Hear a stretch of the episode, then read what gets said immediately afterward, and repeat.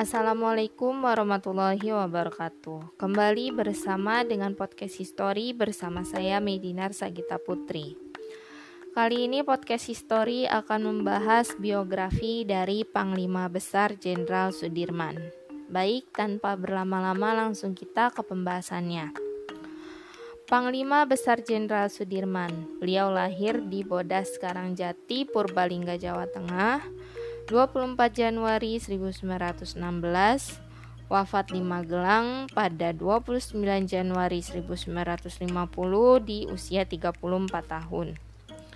Beliau adalah perwira tinggi Tentara Nasional Indonesia sekaligus Panglima Besar TNI pertama dalam era kemerdekaan Republik Indonesia atau Revolusi Kemerdekaan Republik Indonesia. Beliau lahir dari pasangan Karsit Kartawiraji dan Siem.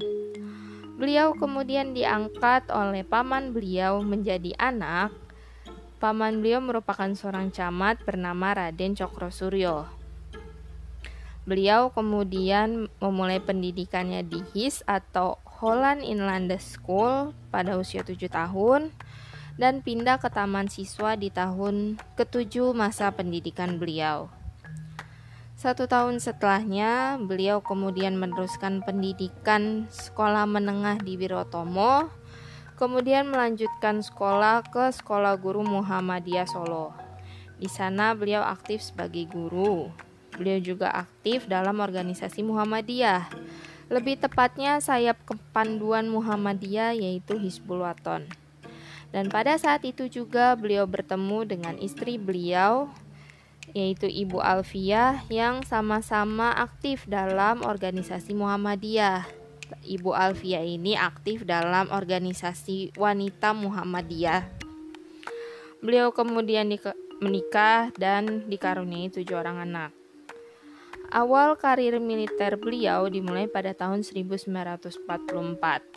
Beliau mengikuti pendidikan peta di Bogor dan mendapat jabatan sebagai komandan batalion di di Banyumas setelah lulus dari pendidikan peta di Bogor. Karir beliau di militer terbilang mulus pada saat itu, walaupun di sisi lain beliau juga melakukan perlawanan terhadap Jepang.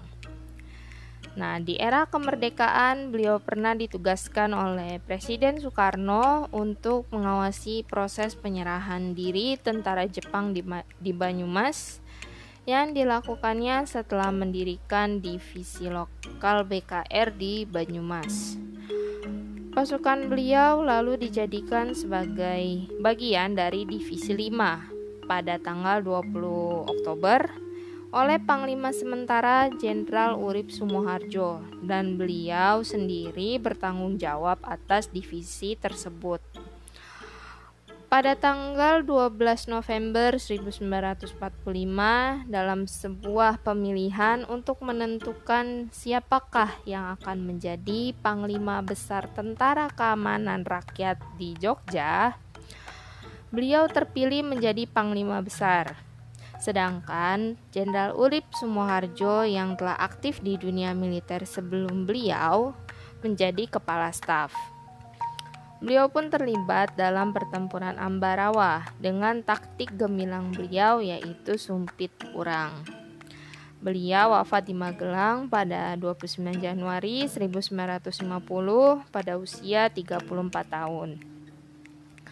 Baik, sekian yang dapat podcast history sampaikan. Terima kasih sudah mendengarkan.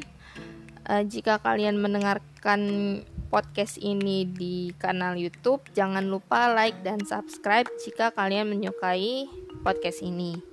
Terima kasih sudah mendengarkan. Semoga bermanfaat. Salam.